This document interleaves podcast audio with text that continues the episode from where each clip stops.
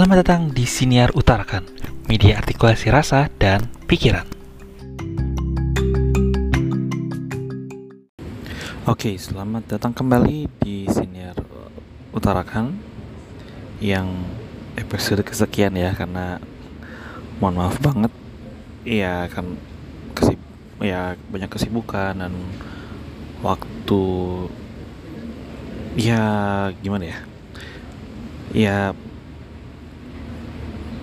untuk membuat siniar ini butuh waktu lebih dan waktu senggang yang sebelumnya uh, belum ada dan akhirnya sekarang ada waktu untuk ngelanjutin lagi episode siniar yang kesekian ini.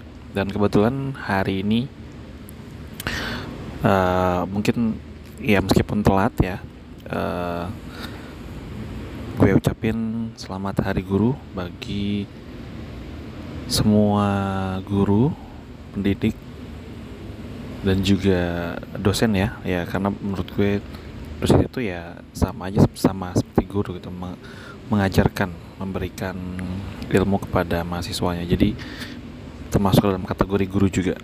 Nah um, ya seperti yang mungkin uh, gue kalian ya lihat ya berseliweran di media sosial. Ya kalau yang namanya hari guru itu uh, ada uh, hari apresiasi guru lah. Jadi misalnya uh, murid-murid kirim surat atau kirim ucapan mungkin ada kirim coklat makanan um, dan lain sebagainya lah. Sebagai bentuk apresiasi untuk gurunya. Um, ya that's good tradition uh, menurut gue uh, baik um, ya apa pun itu bentuk ap bukan apa pun bentuk apresiasinya ya maksudnya um, bagi gue apresiasi langsung dari uh, murid dan juga orang tua murid itu uh, perlu gitu. Nah tapi uh, menurut gue tidak hanya sebatas apresiasi saja tapi uh, ha, momentum hari guru ini bisa menjadi hari di mana apa sih yang harus uh, diperbaiki apa yang sudah baik dan apa yang perlu ditingkatkan. Ya karena uh, pendidik baik itu guru maupun dosen adalah uh, ujung tombak pendidikan ya terlebih di Indonesia itu sendiri. Nah, uh, kita bahas tentang apa sih yang sudah baik dari uh, pendidikan kita atau tentang guru ya ter terlebih tentang guru aspek tentang guru um, yang pertama mungkin dengan adanya media sosial dengan adanya um, berbagai macam jenis teknologi pendidikan yang dapat menunjang pembelajaran di kelas itu uh, memudahkan sekali guru-guru untuk membuat pembelajaran yang uh, lebih menarik, uh, lebih bermakna sehingga uh, pembelajaran berjalan efektif. Ya meskipun dengan berbagai catatan ya karena um, tidak semua tidak semua bisa berjalan dengan benar-benar 100% pasti ada hal-hal di luar kendali seorang guru untuk membuat uh, pembelajaran yang memang bisa benar-benar 100% berhasil ya. Pasti ada aja. Ya uh, at least kalaupun memang ya bisa dikatakan kalau sudah 90 80-90% berjalan dengan baik itu sudah sudah cukup baik ya. Nah um, kemudian yang perlu di, perlu dirubah atau ditingkatkan yang paling fundamental atau yang paling utama itu adalah um, pola pikir guru ya mindset guru. Kenapa mindset guru? Karena menurut gue gue sebagai guru uh, melihat uh, kolega teman-teman guru yang uh, Iya mindsetnya masih yang ya kalau jadi guru tuh ya ada beberapa yang uh, sekedarnya. Ini tidak hanya uh, berdasarkan pengalaman pribadi ya tapi misalnya dari uh, sharing-sharing dari teman atau mungkin da dan kebetulan juga sharing-sharing dari istri istri gue kemudian yang kebetulan juga memang seorang guru. Dia juga suka cerita-cerita kalau ya beberapa koleganya ya um, bahkan um, bisa dibilang uh, makan gaji buta dari profesi guru gitu. Jadi um, pola pikir guru menjadi penting karena uh, ketika gurunya memang memiliki pola pikir yang tepat sebagai guru ya pendidikan di satuan pendidikan mana pun ya itu akan uh, menjadi lebih baik karena memang misalnya mayoritas pola pikir gurunya itu pola pikir yang uh, yang bertumbuh yang selalu belajar karena menjadi guru itu bukan berarti berhenti belajar tapi menjadi guru itu adalah terus belajar terus uh, beradaptasi terus uh, mengamati uh, perilaku anak-anak karena ya setiap anak itu hidup di zamannya. Karena uh, dan kita tidak bisa mengajar uh, anak di tahun 2002 ini misalnya dengan cara mengajar anak di tahun let's say tahun 90-an misalnya itu uh, beda gitu. Setiap anak punya zamannya. Jadi ya guru tuh harus bisa beradaptasi harus uh, mau belajar lagi uh, punya keinginan untuk punya engagement lebih terhadap anak uh, terhadap uh, peserta murid atau anak muridnya. Ya supaya pembelajaran itu ya bisa berjalan dengan efektif. Seperti itu ya. Jadi uh, penting banget bahwa guru itu memiliki um, apa namanya pola pikir yang bertumbuh atau growth mindset. Nah, um, di, itu itu kalau dari aspek internal gurunya ya. Tapi kalau misalnya dari aspek uh, eksternalnya ya, ya mungkin ini masalah problematika yang menahun kali ya. Um, tentang apresiasi guru uh, ya tidak hanya pemerintah sih tapi uh, ya intinya tentang gaji lah. Karena kan uh, kalau sekolah swasta itu kan bukan dari kalau untuk penggajian itu kan bukan dari guru ya tapi dari um, ya dari yayasannya atau dari uh, pengelola sekolah itu sendiri tentang sistem penggajiannya seperti apa. Um, jadi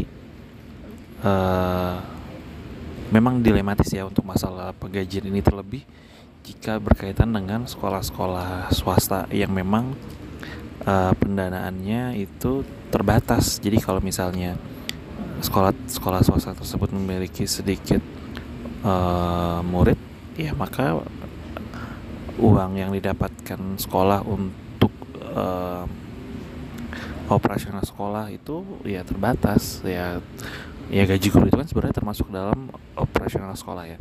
Jadi uh, terbatas lah. Nah um, kan ada bos uh, bantuan operasional sekolah kalau tidak salah. Ya ya gimana ya?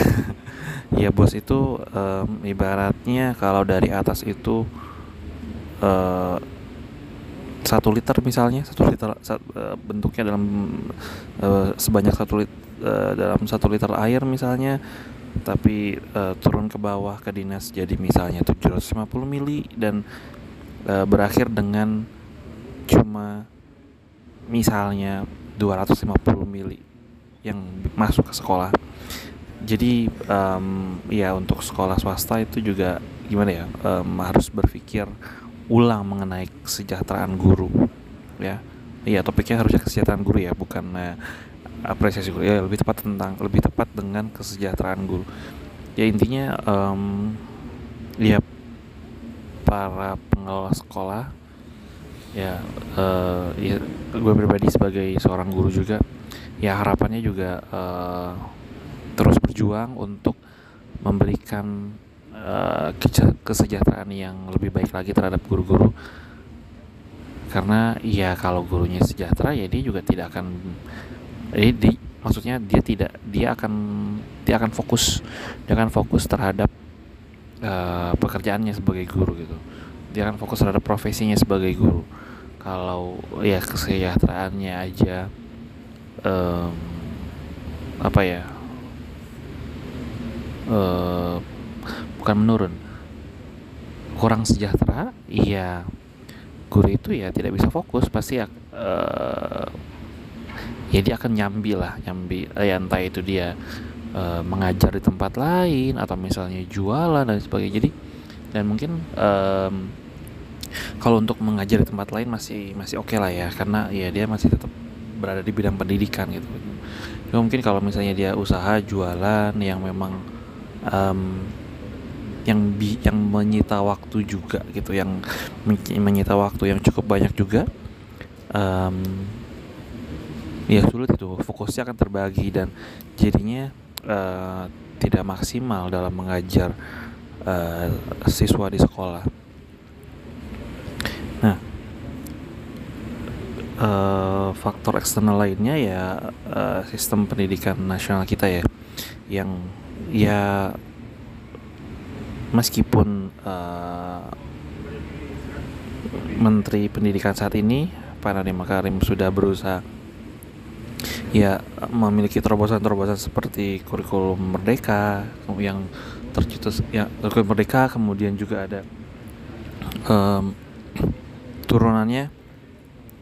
Ada oh sorry sorry sorry sorry uh, terobosannya adalah merdeka belajar nah dari merdeka belajar ini tuh turunannya adalah kurikulum merdeka, kampus merdeka dan lain sebagainya. Dan um, dan kebetulan gue alhamdulillah mendapat kesempatan terlibat dalam kampus merdeka di mana uh, gue menjadi uh, dosen dosen praktisi ya, dosen profesional yang uh, yang sharing, yang berbagi pengalaman tentang uh, apa apa ya? Uh, yang yang dipelajari oleh para mahasiswa di kelas itu ya sebenarnya uh, applicable gitu. Uh, bisa bisa diaplikasikan dalam kehidupan nyata. Bisa dapat uh, apa uh, misalnya kalau di gue konteks uh, di konteksnya adalah gue uh, pernah um, sharing tentang uh, aplikasi psikologi kognitif dan juga aplikasi pendekatan konstruktivisme dalam pembelajaran itu uh, sangat berkaitan erat dengan uh, pembelajaran di sekolah di kelas terutama. Jadi uh, penting bagi para mahasiswa untuk tahu bahwa ya yang mereka pelajari di kelas itu ya sangat bermanfaat di kehidupan nyata dan dan uh, idealnya mereka apa ya apa ya apa yang mereka pelajari di kelas itu ya bisa diterapkan uh, di kehidupan nyata nantinya seperti itu. Jadi uh, program kam ya program kampus merdeka menurut gue uh, baik ya cukup baik karena uh, mahasiswa tidak hanya belajar secara teorinya saja tapi juga mahasiswa mendapatkan uh, ilmu langsung dari dari profesional yang sudah menerapkan uh, apa yang sudah uh, yang sudah mereka pelajari pelajari lah gitu. Jadi uh, para mahasiswa juga mendapatkan insight atau pandangan-pandangan yang uh, tidak hanya pandangan secara teoritis tapi juga pandangan secara aplikatif. Nah jadi kurang lebih um, itu aja sih sekali lagi gue ucapkan um, selamat hari guru untuk para pendidik bagi para guru dan juga para dosen. Semoga jasamu karyamu dan apa pun yang oh ya sorry karena gue juga guru jadi uh, semoga apa yang kita sorry. Semoga apa yang kita uh, lakukan apa yang kita um, usahakan untuk memberikan yang terbaik untuk uh, murid-murid kita itu mendapatkan uh, ya amal ibadah dan juga um, ya kita nggak pernah tahu nanti di masa depan kak ketika memang kita benar-benar uh, tulus mengajar uh, murid-murid kita ya kita tidak tidak akan pernah tahu di masa depan nanti mungkin uh, salah satu di antara murid kita ada yang menjadi orang yang sukses menjadi orang yang berpengaruh um, ya entah itu secara nasional ataupun internasional. Dan mereka menyebutkan bahwa um, kita adalah salah satu orang yang berperan dalam kehidupan mereka. Nah, jadi um, keep up the good work dan sampai juga sorry dan sampai jumpa lagi di senior berikutnya. Bye.